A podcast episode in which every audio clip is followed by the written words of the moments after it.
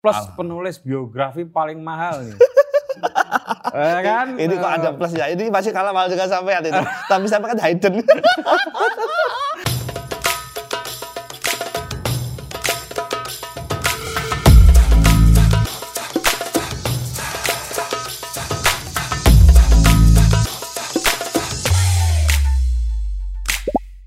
Halo teman-teman, ketemu lagi dengan saya Putu A, Kepula- Kepala Suku Mojo.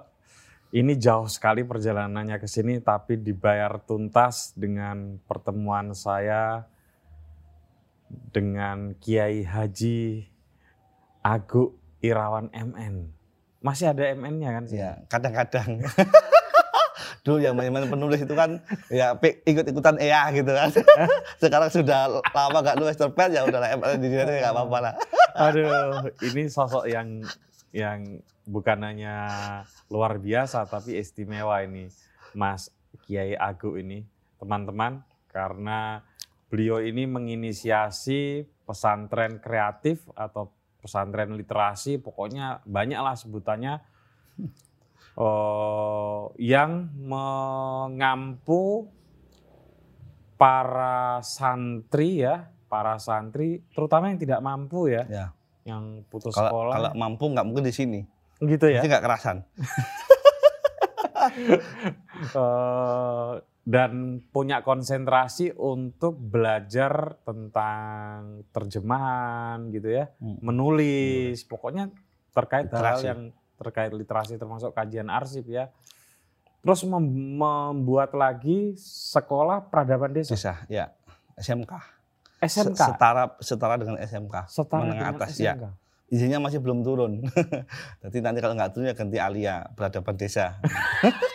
Karena zaman sekarang kan butuh ijazah ya, Iya, pengakuan. Jadi nggak mungkin kita hanya konsep alam kan. Tapi konsepnya kita 100% beda. Iya, iya. Nah, beda. Ini Kiai Ago ini teman lama saya. Kita itu satu angkatan sebetulnya dalam dunia penulisan. Hanya beliau oh, ya secara secara belakangan di novel ya. Ya lebih berhasil Mas Ago lah karena novelnya banyak difilmkan, kemudian bisa bikin pesantren kayak gini. Ya pencapaian kekaryaannya maupun pencapaian sosialnya saya kira luar biasa. Dan saya mau ngobrol soal ini eh, karena beliau juga menulis sudah puluhan buku. Mas Ago, Ya. assalamualaikum. Waalaikumsalam warahmatullahi wabarakatuh. Waduh, Halo Mas Mas Putut. Insyaallah. Pak Kiai, ya. Kudumi senior, luar biasa keren. ini. Eh, Mas Ago itu kan asli Lamongan. Ya. Lahir di Lamongan langsung eh, sudah identik atau sudah bergulat dengan dunia keislaman itu sejak kecil. kecil banget tidak ya di pesantren. Pesantren, Iya, langitan ya, iya pernah di langitan. di Tuban. Iya di Langitan, Tuban. Ya. Hmm. Ya, jadi dari kecil enggak. Jadi orang tua saya petani. Jadi bukan pengasuh pesantren ya. Apa ya petani biasa ya jika sholat juga paling ya kelasnya musolah lah. Jadi apa eh, bukan bukan dari kecil apalagi dari lahir ya. Jadi Hmm. jadi eh, saya di pesantren itu saya belajar eh, keislaman Hmm. Ya, sedikit banyak ya dari pesantren kemudian saya ke Al Azhar dan tidak dari lahir apalagi dari bayi Iya. Ya. Itu di langitan itu berarti aliyah. aliyah Aliyah. Iya. Ya, aliyah. Iya. Setelah dari langitan kemudian ke Jogja dulu. ke Jogja sebenarnya pengen ngikut seperti Mas Putut Kul- kuliah ya di apa bisa game jadi aktivis di Balerong ya. Saya tapi nggak aktif Balerung loh saya. terus ikut ikut demo gitu kan tetapi takdir berkata lain saya ke Jogja kemudian Sempat kuliah ya? iya di IAIN? di UIN ya Heeh, dulu IAIN, ya. IAIN ya dan sambil jual apa ngikut bungkus nasi pecel lele Lamongan lah itu tetangga Ya. ya sepertinya kok nggak enak lihat orang pacaran kita cuma juga cuci piring kan. Itu Ya, serius? Iya serius. Hmm. Ya, serius. Jadi saya sebelum dan saya punya pengalaman banyak ya, makanya saya akrab dengan Jogja ya. Jadi eh, pulang pergi Mesir, Jogja karena memang saya sebelumnya sudah di Jogja dan tahu bagaimana Jogja, Sanggar Nun, Sanggar SK, Balerong, isi waktu itu ya Hmm. malam-malam juga hidup suasananya. Nggak, nggak seperti sekarang ya, serba akademik dan ditutup itu. Iya, iya. Dan makanya saya liburan pun pasti ke Jogja. Enggak, Kiai Agu ini ke Jogja kuliah dulu diterima di UIN, di IAIN. Ya di IAIN sebentar. Sebentar terus Ya. kemudian dapat beasiswa Ya. ke Ya kemudian nyari-nyari ya dapat Hmm. alhamdulillah bisa beasiswa di Majlis A'la eh, dari Majlis A'la kemudian saya ke Mesir. Nah, Majelis itu- A'la itu apa? Majelis A'la Islamiyah itu lembaga apa dakwah di Mesir yang ngasih beasiswa. Hmm. Nah, jadi ada dua di sana, dulu bahkan ada tiga. Ya, yang pertama beasiswa dari Al Azhar sendiri, Iya. yang kedua dari Majelis A'la, Mm. yang ketiga dari Majelis Al Islam Al Kuwait. Nah, Oh. Yang Majelis eh, A'la itu biasanya rekomendasi eh, dari PBNU, dari kiai-kiai Oh. kultural Mas Agu mendapatkan beasiswa yang Majelis A'la Ah, ini. Islamiyah, ya, Iya. barokahnya kiai. Nah, rekomendasi kiai. Ke Kairo, Ya. ngambil jurusan apa? Akidah filsafat. Wah. Karena tidak ada filsafat seperti di UGM, jadi ya ada akidahnya. Terus balik lagi ke Indonesia. Belum balik, saya masih Belum. pulang pergi kan. Makanya Oh. saya kan ketemu. Oh iya, ini Iya. ini dulu bukan Iya. dulu ya. Ya sekarang malah tambah makmur. Beliau dulu kaya sekali karena sempat jadi kayak penerjemah Ya, haji ya. iya. Iya. Saya pulang pergi pertama dari apa kerja eh, pendampingan haji untuk Hmm. NH Plus di Saudi. Ya, yang kedua saya nerjemah di LKIS, di Nafila, di Pustaka Sufi. Oh, Nah, itu bisa untuk pulang pergi. Jadi lam, apa eh, mungkin Lamongan Jogja masih jarang. Masih lebih sering saya Kairo Jogja. oh ya. Serius. Iya, saya waktu itu belum tentu setahun sekali. Kairo apa itu Jogja, Jogja, Lamongan. Lamongan. belum tentu. Tapi kalau saya Kairo Jogja itu bisa dua kali saya. Satu tahun. Jadi selam, berarti saya itu kalau dihitung-hitung di Mesir lima tahun itu dua tahun setengah aja. Habis di Jogja ketemu orang-orang kayak sampean ini yang meracuni saya untuk jadi gaya-gaya seniman jalanan itu. Tapi gayanya doang, karyanya belum. ya bersyukurlah ketemu Mas Putut ya di LKIS ya di forum-forum itu ya di beberapa tempat ya waktu itu banyak sekali dan saya cukup pengagum dari jauh aja lah. Oh ini Putut ya, makanya ada EA-nya. Saya harus kasih ada MN-nya lah. Bisa. Tapi sebetulnya MN apa tuh MN? ya orang tua. Oh. Iya, kan EA, EA emang apa ya? Oh, nama saya sendiri. Nama sendiri ya. Iya. Ini kan orang tua kan juga bagian dari diri saya. Iya, iya, iya. Soalnya sudah nggak bisa diadu. Kalau A, Ago I itu kan jelek sekali kan. Akhirnya orang tua saya usung di belakang ya. Nah, ter eh, sorry, eh, akhirnya lulus dari Mesir berapa tahun berapa? Eh, tahun 2020 eh tahun 2002 kalau nggak salah. 2002 2003. Terus kemudian lanjut 98. S2 ya, di S2 saya juga beasiswa di Jakarta. Oh, ini orang dan beasiswa ya, semua ya. S3-nya beasiswa lagi di UIN. Win, udah Jadi lulus belum?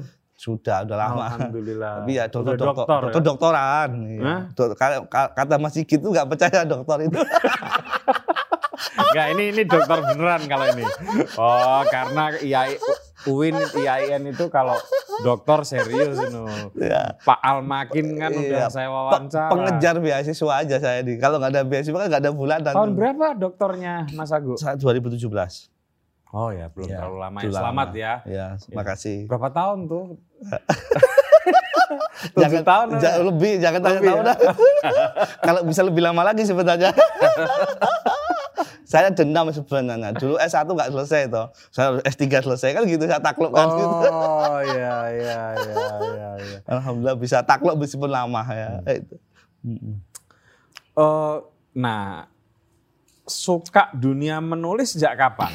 Eh, ini kalau ini panjang ya, ini Iya, panjang tapi ya apa-apa, kita sing- panjang. singkat singkat. eh, pertama ya tentu saya bersyukur ya eh, sebelum saya mengenal Mesir itu saya sudah mampir di Jogja. Hmm. Saya ketemu apa almarhum Zainal Arifin Toha di majalah Fadilah ya Oke. yang di dalam naungan Nafilah waktu itu. Iya, Saya ketemu teman-teman di Sanggar SK, Hmm. Sanggar Nun, Sanggar. Nah, dan teman-teman di ISI ya, Hmm. artinya eh, jalanan ya, ketemu Mas Iman Budi Santoso. Hmm. Jadi sebenarnya saya saya saya merasa di apa di pesantren itu sama sekali nggak nggak ada bakat nulis itu, tapi terpaksa ya.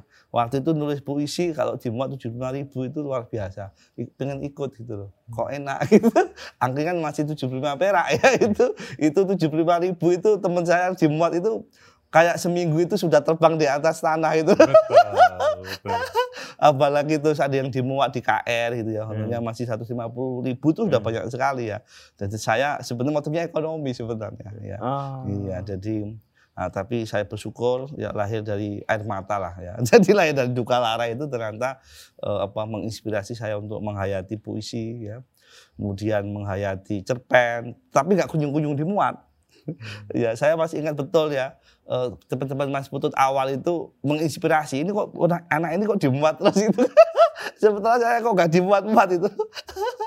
Akhirnya saya putus asa ya. Kemudian saya ganti terjemah aja lah yang jelas pasti perlembarnya gitu. Apalagi nerjemah Iya, Arab lebih iya, mahal kan? al- Alhamdulillah saya terjemah di Nafilah ya. Eh, Taufik Al Hakim itu tongkat. Taufik Iya. Al Hakim itu mungkin masih buku-buku awal itu. eh. Alhamdulillah dikasih kesempatan. Dan justru yang dimuat pertama kali saya masih ingat itu di apa eh, KR itu padahal saya sering nulis puisi ya. Hmm. Dimuat-muat gitu. Justru yang pertama kali dimuat cerpen saya. Makanya kayaknya agak bakat sebenarnya. Hadiah seribu menara itu cerpen saya pertama di KR kalau nggak salah 99. Sim- 99 ya. 1999 awal itu. Dan itu Mas Putu kayaknya sudah sudah sering itu Enggak, di, enggak, belum enggak. ya itu ya. Jadi itu cerpen saya pertama kali hadiah seribu menara di tapi habis itu nggak pernah dimuat lagi. Dan mungkin saya puluhan ngirim ke Kompas itu. Hari Minggu benci sekali kalau saya lihat ada nama Putut ada nama Putut nama Seno benci kali. Iya, ternyata saya ah, belum jodoh di Kompas ya. Ternyata isai saya yang lebih muncul duluan di Iya, Kompas iya. itu.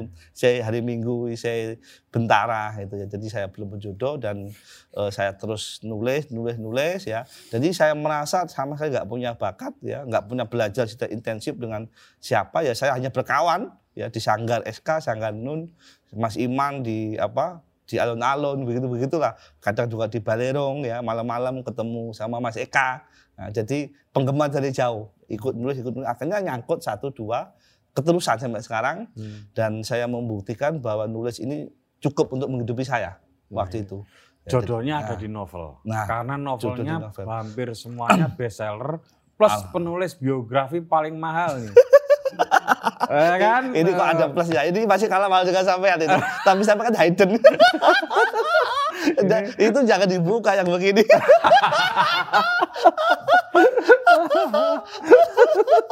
Oh ini Wasagu ini luar biasa pencapaiannya. Ha- yang meledak novel pertama kali Haji Backpacker atau sebelumnya? Iya, saya sebenarnya pernah nulis itu tidak meledak tapi diledakkan. Oh, Iya, saya nulis biografi Pak Mahfud MD.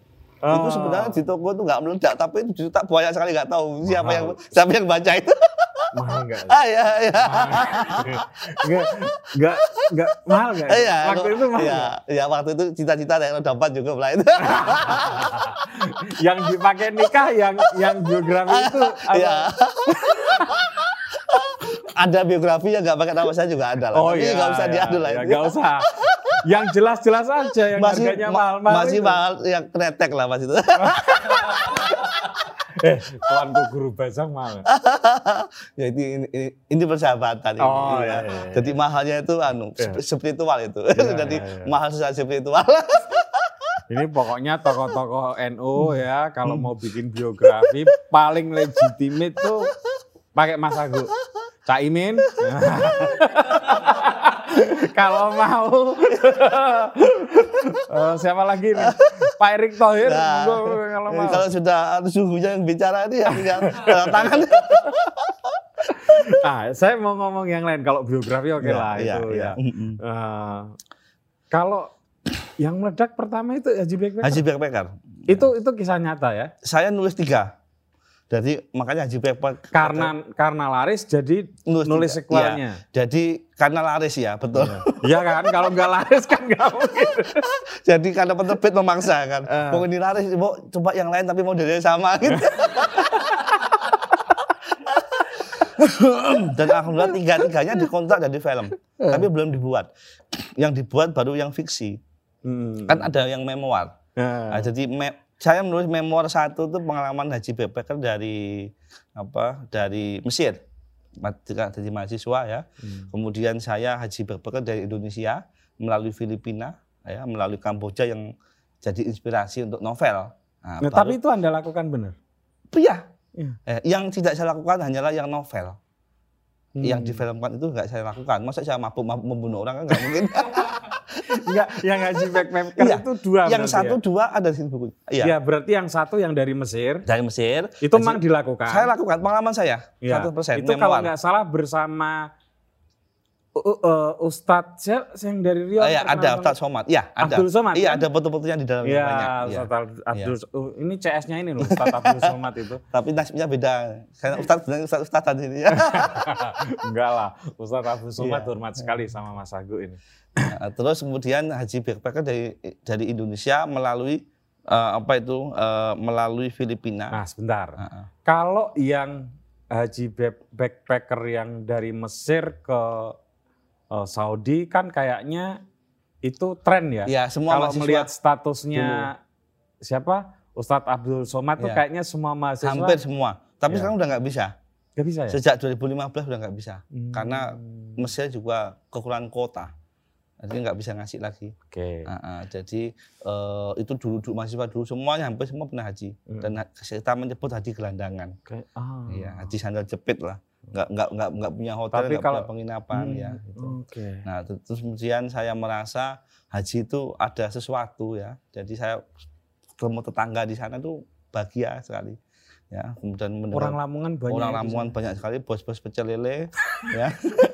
Ya, jadi bos-bos tambak saya Bos tambah. Ya, termasuk tangannya Mas Putu di Rembang juga banyak, ya. Banyak. Tapi orang Rembang sepuh-sepuh biasanya yang sudah sudah Kar- tinggal- karena lama, Iya. kotanya penuh terus. jual tanah-tanah itu.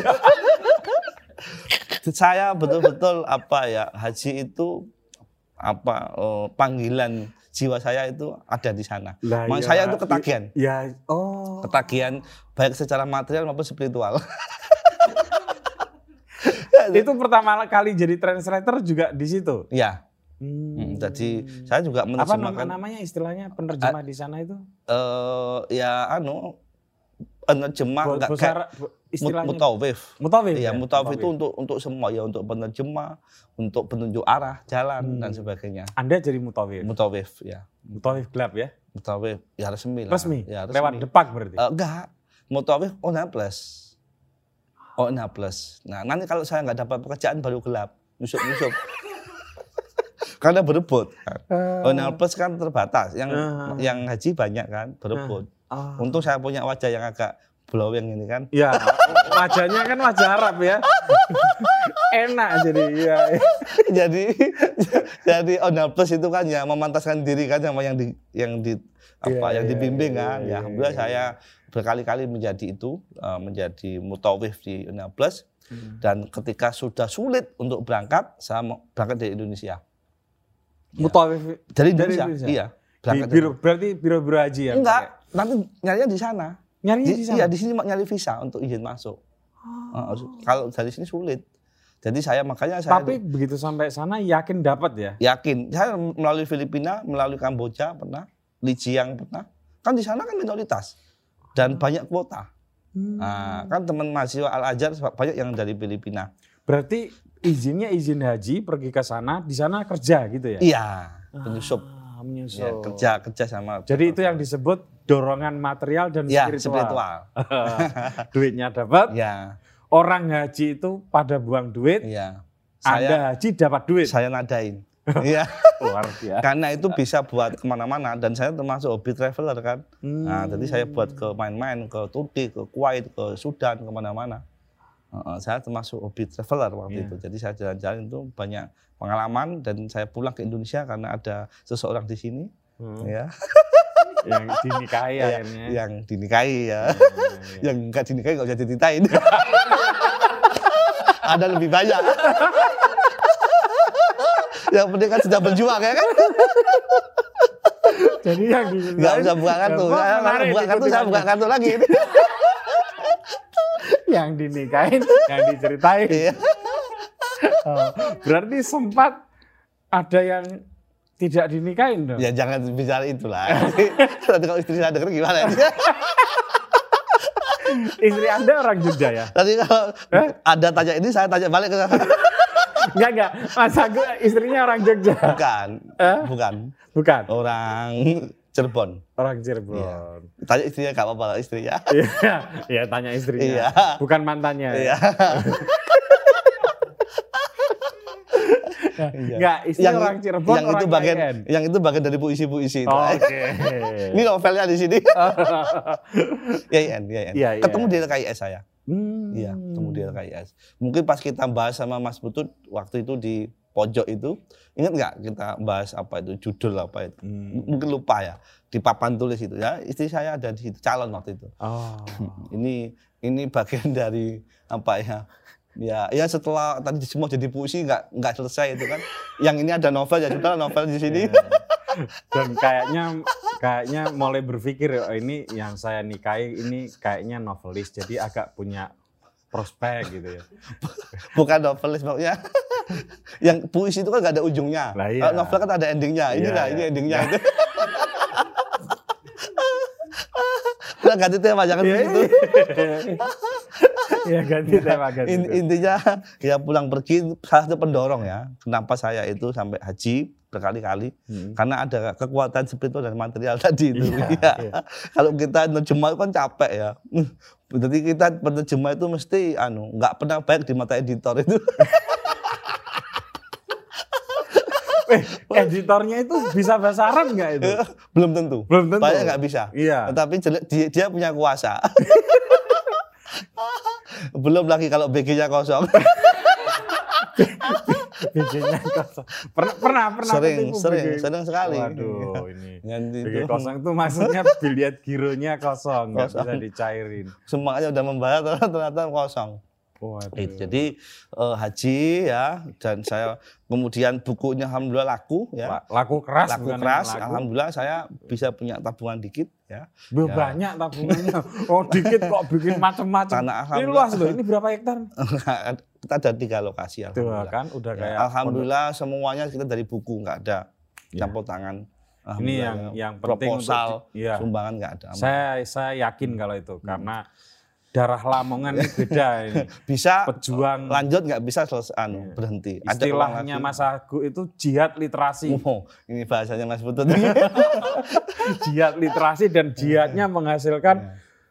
hektaran tanah yang kemudian dibangun pondok pesantren. Mas Agu Alhamdulillah. kenapa kok punya inisiatif menampung, mohon maaf ya saya Ya. pakai istilah menampung dan mendidik anak-anak pesantren untuk ber apa ya berkecimpung dalam dunia Ya. literasi.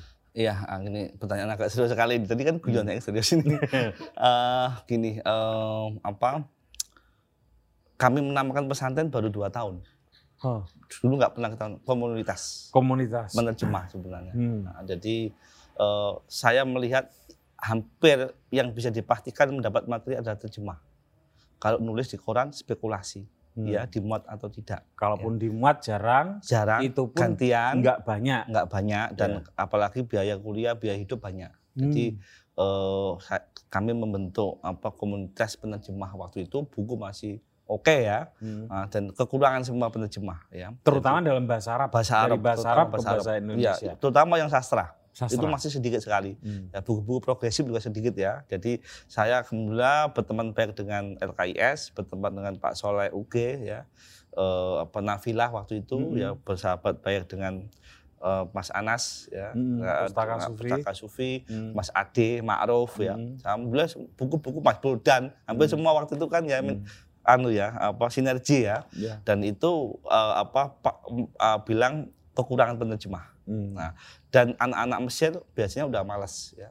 Anak-anak Mesir sendiri kan Hmm. pekerjaan cek-cek ini kan. Hmm. Nah, kan rata-rata anak Mesir anak kiai mapan ekonomi kan. Kecuali Hmm. saya ya, ya dan beberapa teman. Hmm. Jadi awalnya menampung teman-teman Mesir yang ecek-ecek kayak saya. Oh ada ya? Ada satu dua. Oh. Tapi lama-lama kan ditinggalkan toh. Sementara ini kan butuh keberlangsungan. Pustaka Sufi butuh keberlangsungan, LKS butuh keberlangsungan, Nafila ya dan beberapa penerbit termasuk Citra Media. Hanya kita membuat apa eh, kelompok dan hendaknya belajar di situ. Hmm. kita terjemah, nanti ada pengadilan terjemah, Ya. Wah. kita setorkan ke penerbit, nanti kita potong sedikit untuk biaya nyunting dan sebagainya. Hmm. Alhamdulillah jalan. Jadi ya, kan kami nggak nggak mungkin nyari orang yang sudah jadi. Rata-rata kan ustadz ya. Kendalanya hanya di bahasa Indonesia. Hmm. Tapi mohon maaf, kadang-kadang kendala di bahasa Indonesia lebih rumit daripada di, di- di bahasa Arab.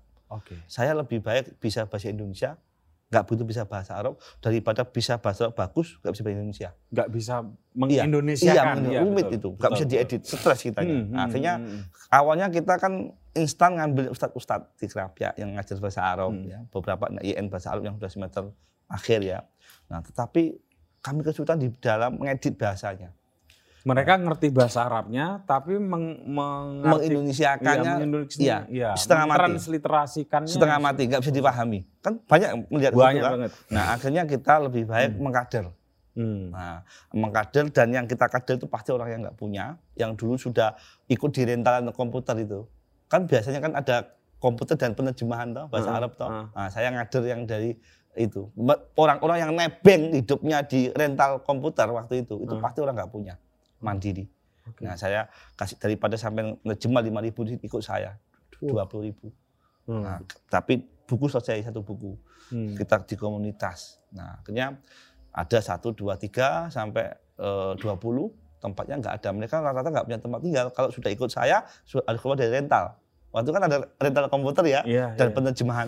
Akhirnya saya, eh, alhamdulillah rumah yang saya tempati itu jejaknya Mas Anas, Pustaka Sufi. Hmm. Yang saya tempati itu dulu untuk pencetakan. Kami punya terjemahan ya, sama penerbitnya Mas Taufik Hidayat waktu itu, arti bumi intaran. Ah, Kami tagih sek- sek- sekian BG yang nggak cair itu. Alhamdulillah dengan rela hati ya sudah rumah yang pencetakan amin amin pakai dengan catatan apa sampai menerjemahkan 20 buku lagi. Alhamdulillah saya terjemahkan selesai dan rumah yang pakai itu saya buat komunitas Oh. yang nggak ada Berarti tempat itu tinggal benar-benar rumah pertama Anda, Iya. rumah sekaligus dari terjemahan. iya belum menikah saya masih bujang Oh, bujang. belum menikah Oh. Nah, saya pakai itu itu sebenarnya bukan uang saya sendiri uang teman-teman yang nerjemah yang nggak dibayar Oh. kemudian saya nyicil ke anak-anak itu nah, Mas Taufik Mas Anas sepakat ya sudah dipakai tapi dengan catatan kita menyelesaikan tambahan Jadi Tambahan. rumah di tasir sekian Iya. kemudian Kekurangannya, kekurangannya sekian, dengan terjemahan dengan terjemahan. ya nah, termasuk bukunya ada di sini ensiklopedi uh, Sen Al-Quran itu 12 jilid Oke. Nah, itu saya terje- kami terjemahkan, selesai dan kami pakai. Tapi ternyata orang yang seperti hidup yang seperti saya tadi itu ya, yang jualan ikut jualan pecel lele dari pesantren ingin kuliah banyak. Satu dua akhirnya datang, Hmm. datang ya kita tampung, kita ajarin benar mondok kan.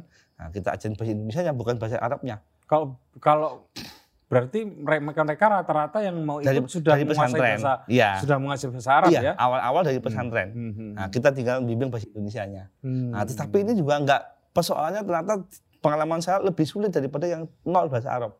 gitu ya. Saya pernah, ya, mungkin yang kenal Irfan ya, pernah ya. Hmm. Nah, Irfan itu dari SMK, terjemahan udah banyak di sini. Oke. Sampai tanya pernah mondok nggak pernah dari SMK. Tapi dia menerjemah Imam Ghazali selesai tebal itu. Mas Irfan temennya Anda berarti yang ngajari dari nol, Oh, Nah, nggak pernah bahasa. Arab. bahasa dari nol. Nah, saya, saya Berarti mendengar di- saya kalau ah, belajar saya, ke Anda saya- saya eh, lebih baik teman-teman yang dari nol seperti ini, yang yang nurut. Tapi bahasa Indonesia itu bagus. Nah, Nah, tuh, ah, punya ah, modal punya modal bahasa Indonesia bahasa Indonesia bagus. bagus. Oke. Kalau enggak itu nanti ya terjemahannya telak itu setiap huruf wow atau diterjemahkan dan dan dan sampai tiga halaman nggak ada paragrafnya. Iya, iya. Kita nggak stres. Titik komanya nggak ada. Oh gitu ya. Gimana nggak stres kita? Mungkin Iya. terjemah ulang kan? Iya. Nah, yang seperti ini enggak. Dia kita ajarin nahwu sorob yang instan hanya apa 16 nahwu sorob grammar gitu lah ya. Mhm. Kemudian 16 nahwu sorob yang pendek-pendek saja. Fa'al flu fa'lan nggak usah panjang-panjang. Nanti stres. Tapi dia dia tekun nerjemah. Ini apa? I'robnya. Tanya, tapi lama-lama bisa. Saya bilang, kamu nerjemahin akhlakul banin yang tipis itu bisa nerjemah Imam Ghazali. Kalau nggak percaya, nanti buktikan saya bilang itu. Jadi cukup akhlakul banin kamu tahu posisi i'robnya, tahu maknanya. Buku tipis itu paling kalau kamu buka kamus nggak sampai 500 kata. Nah, Imam Ghazali itu bisa, saya bilang, setebal itu. Akhirnya dia menerjemahkan selesai lulus saat terjemahkan itu. Dan dia nggak pernah mondok. Alhamdulillah sampai sekarang masih terjemah. Di supervi eh, di supervisi sama Anda langsung ya? Iya. Dan Hmm. sekarang di Mizan udah mahal. Udah lebih mahal dari saya malah. Si Mas Irfannya itu? Iya. Lebih mahal dari Anda. Karena masih tekun. Ma- Mas Imam Nawawi juga begitu. Nah, Mas Imam Nawawi malah sekarang terjemahnya eh, eh, di apa spesialis eh, Ibnu Arabi dan Rumi. Rumi. Rumi yang yang tebal di Alif Aidi itu Hmm. tafsir Rumi itu dia yang terjemah. Yang di Tapi Rumi itu kan sebenarnya Persia ya. Ya Persia tapi dalam bahasa kan sulit Ya. juga itu. Iya, betul. Ya, juga, ya. artinya eh, ya teman-teman yang tekun itu bisa. Dan saya lebih baik yang dari nol, kadang-kadang daripada yang ustadz yang sudah lama ngajar di pesantren tapi Indonesia-nya anu nggak nggak punya logika. Apalagi kebanyakan pondok pesantren kita kan tafsirnya ke bahasa Jawa langsung Ya. ya, atau Uh-uh. bahasa Madura Heeh, kan. heeh. Heeh. Tapi juga ada yang sudah apa bahasa Indonesia cepat juga ada. Iya. Tapi rata-rata yang saklek itu malah sulit. Dia- Karena merasa benar itu jadinya anu, nggak Ah. susah. Artinya apa? Ya kita Baitul Kemat saling belajar sebenarnya. Jadi kita tidak pernah menamakan pesantren. Ini komunitas saling belajar, Hmm. ya berkarya dan menghasilkan materi. Kenapa diberi nama Ya, Baitul Kilman? Karena rumah kata, Hmm. ya rumah kata ini kan filosofisnya kan apa? Ya kita belajar kata-kata di situ. Jadi rumah kata itu ya setiap saat kita diskusi kata-kata kan nerjemah itu. Hmm. Nah, jadi memang eh, apa kami mendoktrin bisa nerjemah itu pasti bisa nulis anu apa bisa nulis artikel Hmm. bisa nulis no- novel Hmm. kalau nerjemah novel. Hmm. Jadi dengan nerjemah itu sebenarnya kita belajar sebenarnya di situ. Oh. Ya jadi kita tahu kalau nerjemah cerpen oh kayak gini struktur Oh, cerpen. benar. benar. Jadi eh, pokoknya anda kalau bisa nerjemah pasti bisa menulis. Nah, kadang-kadang juga ada yang beruntung dimuat di koran, ya. Tapi tidak jadikan pokok karena kalau pokok itu nggak nggak menentu kalau di koran. Apalagi semakin lama kan semakin berkurang honornya kan. Saya masih menangi isi itu satu juta setengah dulu di Kompas. Hmm. Sekarang tinggal 700 kan. Nah, jadi dan semakin sulit. Tapi kalau nerjemah sampai hari ini masih eksis. Hmm. Alhamdulillah. Nah, itu kalau nyantri di sini caranya gimana? Ya, jadi ya yang datang semakin banyak Hmm. ya. Awalnya hanya 5, 6, 20 rumah udah udah nggak muat. Hmm. Alhamdulillah kita bisa beli dekat isi itu yang di Jalan Bang Titis masih gitu Iya. pernah di sana itu. Oh. Nah, tapi di sana semakin banyak juga nggak mungkin. Oh. Itu beli ya dia? beli, di sana? semua beli saya. Wah, Nah, saya kan buat perpustakaan ya, terus pindah ke sini ini baru tiga tahun. Nah, alhamdulillah sudah ada tiga lokasi, ini sama Putri sama SMK. Nah, SMK Peradaban Desa tadi. Alhamdulillah semua dari literasi. Dan kami membangun nggak sendiri sekarang, bersama santri. Ya. Kalau nyantri di sini berapa Ya. tahun? Eh, kalau di sini sebenarnya eh, bebas mau tinggal atau tidak bebas. Ya, di sini juga eh, programnya juga untuk yang mahasiswa yang penting berkarya. Hmm. Nanti nggak ada tuntutan banyak ya. Nanti eh, apa enam bulan itu yang belum pernah mondok, nah, kita ajari dari nol bahasa Oh. Arab instan. Enam bulan nggak usah lama-lama. Enam bulan aja. bulan aja. Hmm. Ya, kemudian untuk yang sudah mondok satu bulan. Nah, langsung praktek. Nah, di sela-sela itu karena masih belum mendapatkan uang, anak-anak eh, jualan macam-macam. Kan di sini nggak boleh ada kiriman. Dan kalau ketahuan bisa saya keluarkan. Oh ya, Ya. Ya, mending ganggu yang lain. Nah, jadi rata- karena supaya nggak ada ini ya, nggak ada kecemburuan iya, gitu ya. Iya, meskipun juga ada Hmm. yang satu dua yang mendapatkan se- sekadarnya ya. Iya, Tapi kan iya, kita iya. tidak tahu. Prinsipnya sini harus mandiri. Harus Dan mandiri. banyak yang bahkan ngasih duit ke orang tuanya sambil kuliah. Banyak di sini. Ah. Nah, dulu kami absen sebelum Covid itu wajib. Tapi setelah Covid kan sulit kan sekarang. Iya, Akhirnya iya. eh, nggak apa-apa lah, nggak nggak usah harus diwajibkan nyetor duit ke orang tua. Oh dulu sempat jadi wajib. Iya, karena apa? Ya kalau nanti nggak gitu nanti nongkrong-nongkrong. Ya, nongkrong-nongkrong ke mana itu tempat sampai itu mana itu? Itu warung mojok itu. Jakal itu. Wah nongkrong di warung mojok nggak boleh ya, tapi warung saya Iya, udah bangkrut. Iya, iya, jadi ya, kan se- sering ke sana anak-anak dulu. Hmm. Jadi kalau Pantesan warung saya tutup nggak boleh nongkrong sama kiainya. jadi karena habis waktu nanti Oh, As- asal sesekali nggak apa-apa, seminggu sekali. Tapi kalau setiap malam habis waktu. habis waktu dan Jadi, habis duit ya. Saya bilang kamu tuh beda dengan yang lain. Yang lain tuh habis uang tinggal gesek ATM. Kamu yang mau gesek apa? Air mata saya bilang. Nggak ada nggak ada duit toh. Hmm. Kamu, kamu beda harus paham, kamu beda harus punya waktu untuk berkarya. Hebat, Nah, jadi kalau sampai nanti Berarti ditekankan untuk berkarya ya? berkarya. Di sini ada yang satu tahun di sini sudah nerjemah banyak buku, sudah nulis di banyak koran. Nah, kalau mau wawancara nanti bisa. Hmm. Yang baru setahun di sini Hmm. sudah menerjemahkan banyak kitab, sudah nulis koran, nulis isai. Padahal pertama kali di sini ya nulis juga ada paragrafnya. Tiga halaman itu anu nggak ada titik komanya.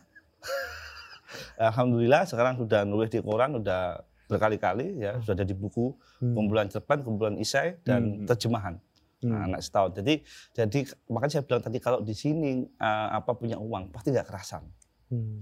karena ketat ketatnya itu saya target dengan karya. Oh gitu. Ya.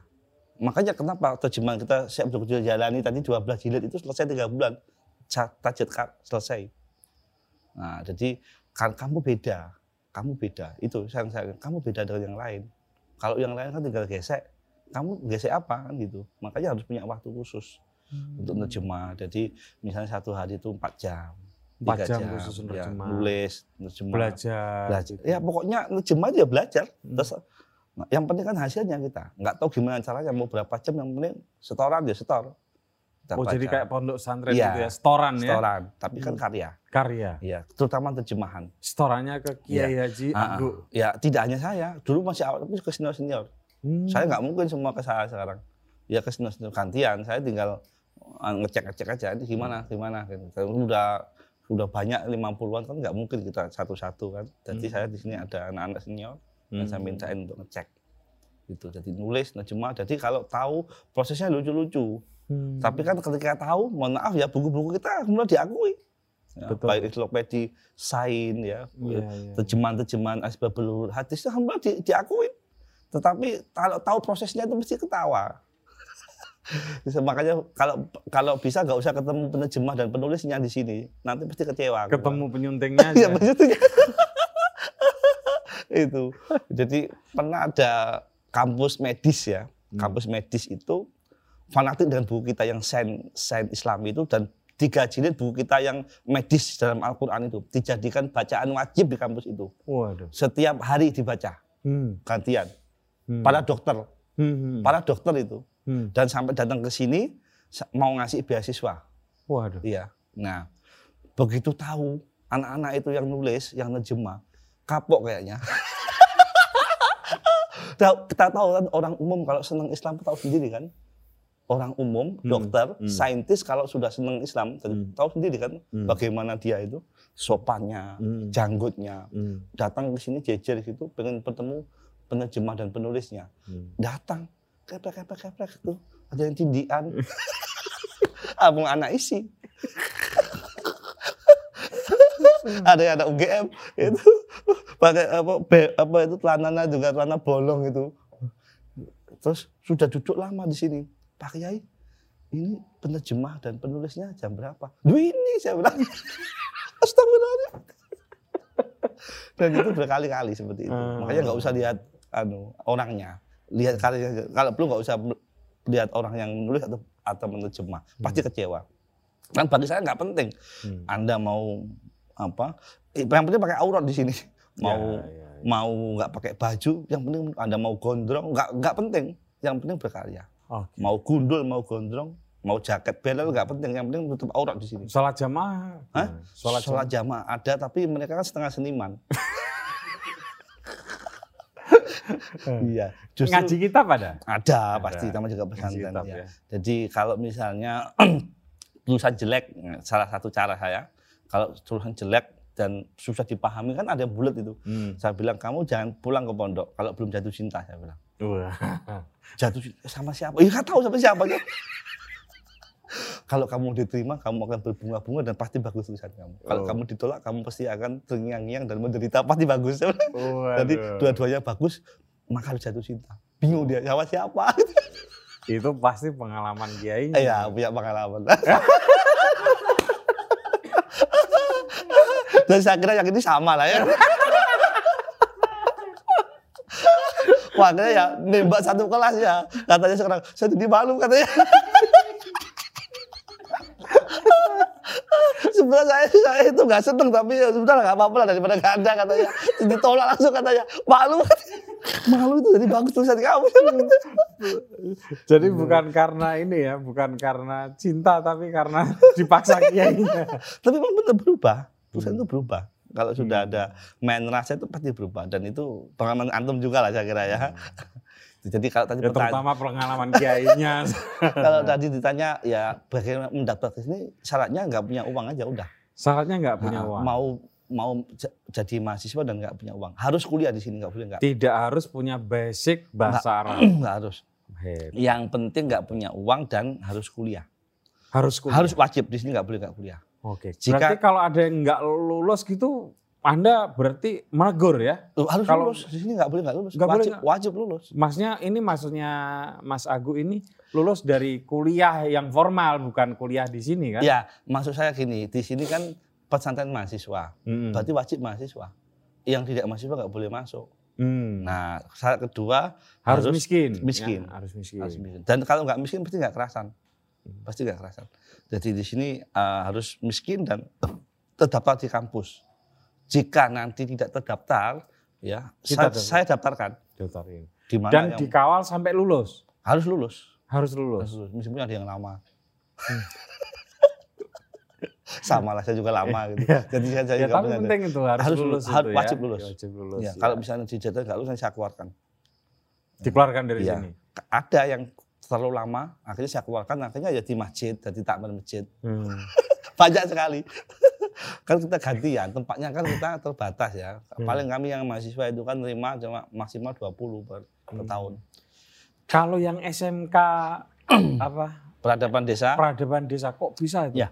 Itu Gini, gimana tuh? yang Hebat pertama sekali ini memang. ya inspirasinya yang pertama itu ya saya bertemu dengan apa Mas Agus Sunyoto ya. Oh almarhum almarhum yang sama-sama di Les Bumi ya. menulis Iya tentang Atlas Wali Songo. Atlas Wali. Songo yang paling Nah, terkenal. itu kan ya. salah satu pembimbing prestasi saya berbahasa Kawi ya kan. Nah dia itu kan apa eh, apa ya sering berkeluh lah sebelum meninggal itu ya.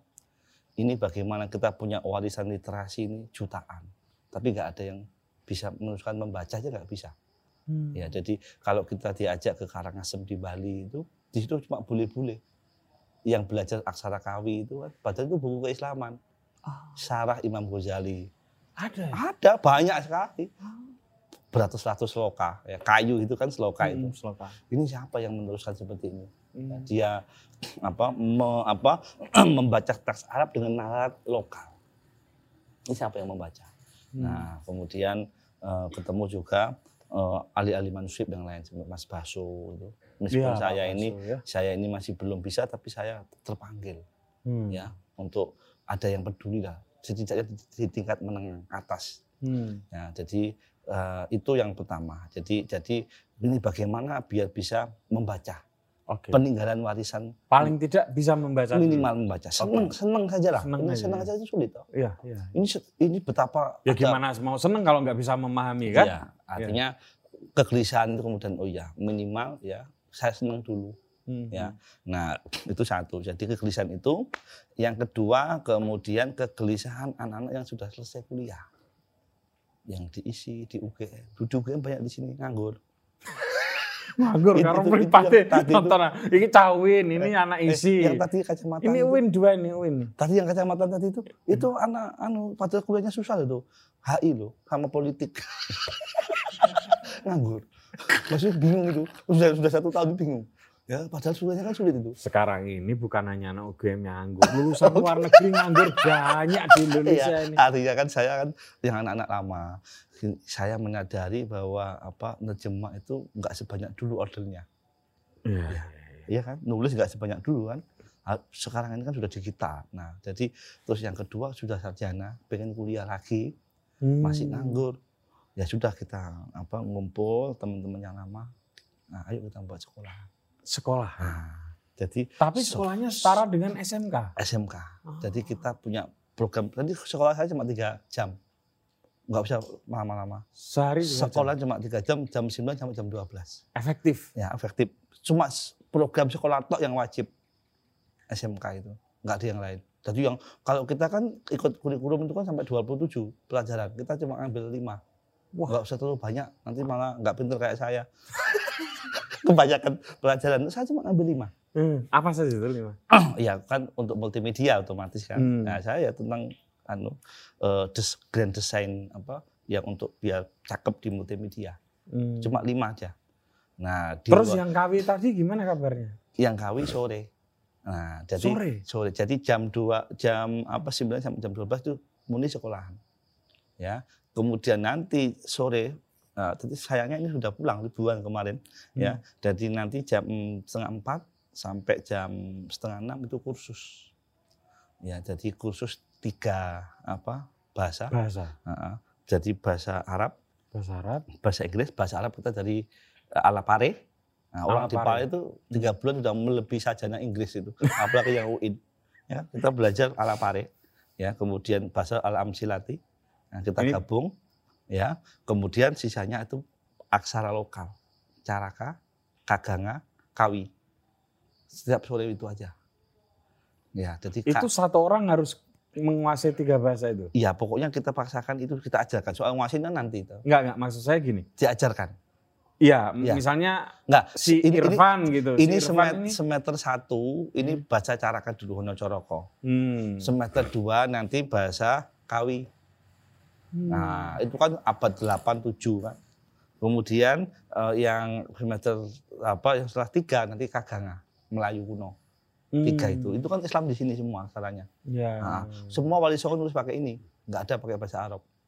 Ah. Nah, semua pakai ini semua. Kitabnya banyak sekali. Sunan Kalijogo mensarai al um Imam Syafi'i dengan kawi. Nah, jadi tiga ini kan nggak biar nggak bebannya berat.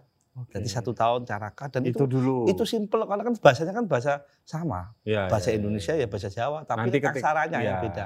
ya. Nah, kalau bahasa Arab ini wajib sama bahasa Inggris karena saya targetkan anak-anak setelah sini udah di luar negeri.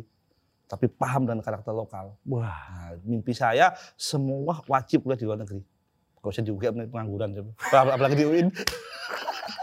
Jadi alhamdulillah sudah ada kerjasama dengan Tunisia yang bahasa Arab. Zuhairi Misrawi kemarin Hmm. datang ke sini, dia ngasih insya Allah ngasih eh, jalan tol untuk anak-anak kami beasiswa di Tunisia. Nah nanti yang di apa yang bahasa Inggris nanti inginnya saya nanti nyari beasiswa di Inggris ya sudah karena ada guru yang dari bahasa dari yang dari Inggris ada guru bahasa Hmm. Inggris yang dari Inggris makanya yang lagi nyari Ya. gitu. Oke, kalau yang mengajar bahasa Nah. Arab, bahasa Inggris banyak. Yang Ada. mengajar astara as Ada. Ya, ki- ini Kita, ya? kita kursusan dulu kemarin sebelumnya di Bali. Oh. Nah, ya kita harus mengalah. Hmm. Nah, makanya kan kita bertahap. Carakan dulu kawin. Kan yang khusus kaganga masih belum siap.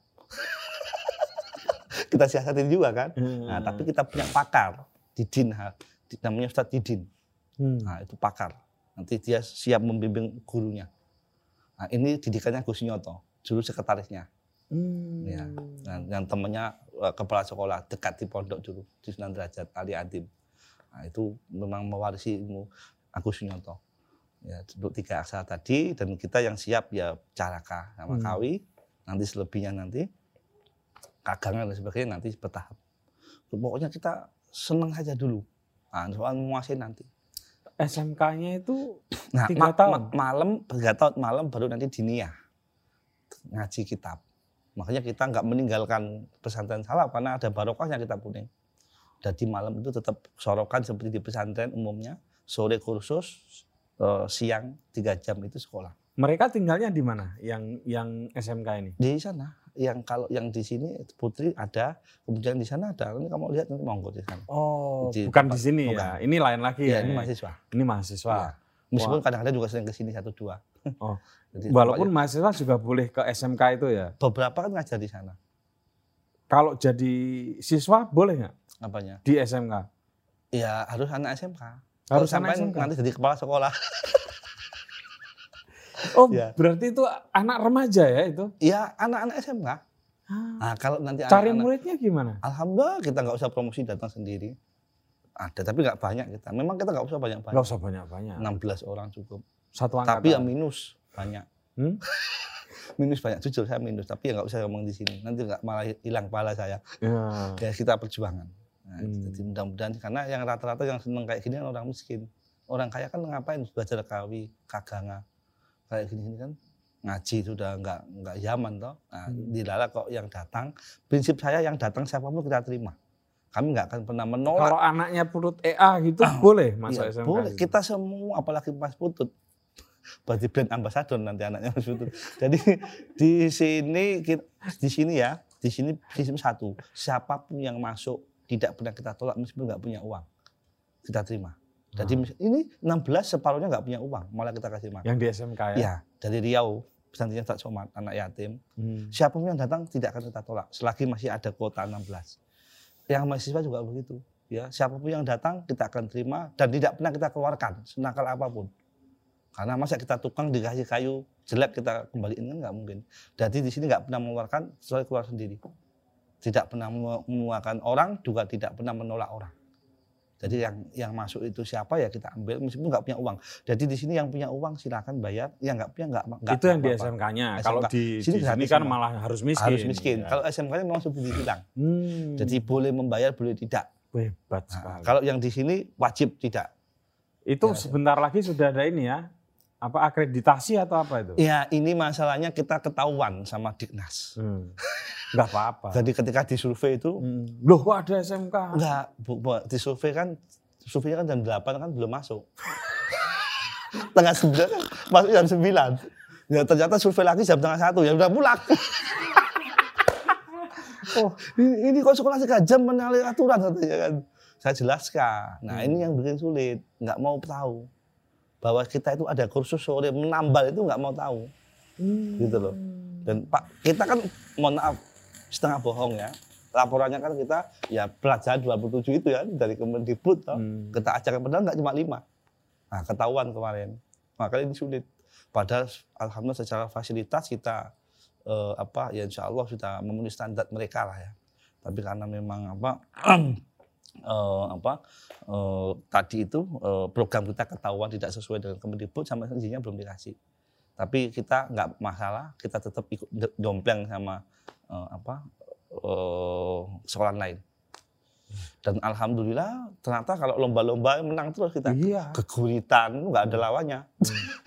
aksara Honocoloko nggak mesti menang nggak ada lawannya di sini. Iya, iya. Apalagi aksara-aksara kuno, pengetahuan sejarah nggak ada lawannya. Iya. Tapi karena kita belum punya izin kan nggak bisa tampil nama kita. Nah ini masih proses, mana baru satu tahun. Mudah-mudahan tahun ini kita Yang baik. SMK itu berapa? Ta- tahun ke berapa SMK? Ini baru tahun Tahun. pertama. tahun pertama. Sangat, Yang ini sangat. tahun ketiga ya. Iya. Tapi di ketiga. sini apanya? di yang yang yang Baitul Iya, yang di di sini. sini. Iya. Sebelumnya kan udah di Jalan Parangtiris. Iya, dulunya ngontrak-ngontrak, Hmm. pindah-pindah. Hmm. Gitu ya. Jadi, nah tadi pertanyaannya eh, di, eh, di sini berapa tahun? Nggak ada tahun-tahunan. Kalau kerasan terusnya nggak apa-apa, asal ada tempat. Jadi mau di- ada yang 10 tahun di sini. Makanya tadi kemudian kita membuat sekolahan ini karena nampung pekerjaan mereka juga kan. Ah. Nah, ayo kita buat sekolahan biar ada pekerjaan minimal dari kepala sekolah, wakil kepala sekolah, bendara kepala sekolah. Ke- kepala sekolahnya Anda? Enggak, anak-anak sini. Tadi yang sering di pojok tadi di kepala sekolah. Wah. Jadi punya jabatan semua. Kalau, di- kalau ditanyain ibunya kok nggak pulang-pulang, masih sibuk jadi kepala sekolah. Wah ini menarik. gitu ya. Menarik, Ah, menarik, jadi menarik, untuk menarik. namanya menentang, padahal ya nulis, nerjemah menarik, nulis. menarik, itu. menarik, menarik. Nah, jadi alhamdulillah eh, anak-anak sudah mulai senang. Ya, apa? Anak-anak di sini SMK sudah punya buku semua kemarin. Semester pertama punya buku semua, punya novel semua. Hmm. Anak-anak yang 16 orang ini. Hmm. Satu orang itu bahkan tidak hanya punya buku, tapi dia desain sendiri covernya, nunteng sendiri, kemudian apa layout sendiri. Nah, kita tebis-tebis sendiri, dijual-jual sendiri. Hebat. Tapi kan punya. Nah, Iya, orang tua iya, iya. alhamdulillah. Nah, kalau makanya kalau- skripsi kan cuma empat tahun sekali, itu pun belum tentu selesai kan. Hmm. Nah, di sini anak-anak mahasiswa dua bulan sekali punya buku. Yang menghasilkan uang nggak tahu kualitas bagaimana itu alam. Yang penting kita dihargai. Makanya dengan solusi grup nah, itu kita jadi tim kreatifnya. Diva juga tim kreatifnya. Jadi di sini banyak anak-anaknya. Alhamdulillah ya. Yang penting bagaimana kualitasnya yaitu belakang. Yang penting ya ini diakui oleh masyarakat karena dijual. Itu. Dan anak-anak eh, apa anak-anak yang SMK ikut kakak kelasnya atau bukan kakak kelas ya lihat mahasiswanya juga nulis ikut nulis juga alhamdulillah jadi di luar apa di luar apa tadi itu di luar belajar bahasa kuno itu jadi juga ikut ke, ke bawah nulis apalagi sekarang itu kan nggak perlu dimuat Wah. kita sudah punya rumah kata.id hampir setara dengan mojok lah Iya, iya, iya. cita-citanya masih belum kan Ma- mahasiswa-mahasiswanya pernah diajak ke Mojok kan? Nah, alhamdulillah aku dulu nimba ilmu di sana. Ya, ketika mau buat website itu rumahkata.id dulu nimba ilmunya di Mojok. Ya, itu jadi kan punya gender beda ya, cara Hmm. kolomnya. Tapi kita kan nggak mungkin niru sudah sudah ada kan, jadi ya kita Iya. dengan cara sendiri. Hebat ini. Ini sudah waktunya berbuka ya, puasa. berbuka Kiai puasa, nuwun. Saya ini dapat rezeki banyak ini karena saya itu kepikiran bikin sekolah. Ya nanti ini. Amin, amin Mas Putut sudah sudah segala-galanya lah ya. Terima kasih Terima kasih. Mas Agu. Semoga sukses dengan Baitul Amin, amin. Terima kasih Dan juga. SMK apa tadi? Peradaban, Peradaban desa. Tempatnya di desa. Hmm. Sedikit saya ya, sedikit. Oke. Kadang kalau desa itu kan cenderung orang kan minder ya dengan desa. Saya Hmm. malah bangga. Oh. Makanya saya jadikan peradaban desa saya kebanggaan kita di desa. hmm. Karena sudah lanjut di desa kan, biasanya kan minder. Siapa yang tahu sekolah kok di desa? Kita enggak. Desa ini sumber kearifan lokal, keguyuban ada, alamnya asri. Jadi saya lihat positif desa sebagai kekuatan. Termasuk kelebihan. memilih di tengah, tengah hutan, hutan, itu. yang masih murah dan tanahnya. Terima kasih Mas Butut Pojok ya atas semuanya saya dikunjungi di Barokai Senior ya. Ini Makasih. keren Agu. saya ya Ya. Pokoknya sukses selalu Kiai Agu. Saya tunggu nanti Sama-sama. SD SD-nya. Nah, udah SMK nanti Ya, SMP amin, SD. amin, amin, amin, ya Rabbal alamin. Amin. Ya, ya. Assalamualaikum warahmatullahi Ya, wabarakatuh. terima kasih teman-teman. Sampai ketemu lagi dengan tamu-tamu saya selanjutnya.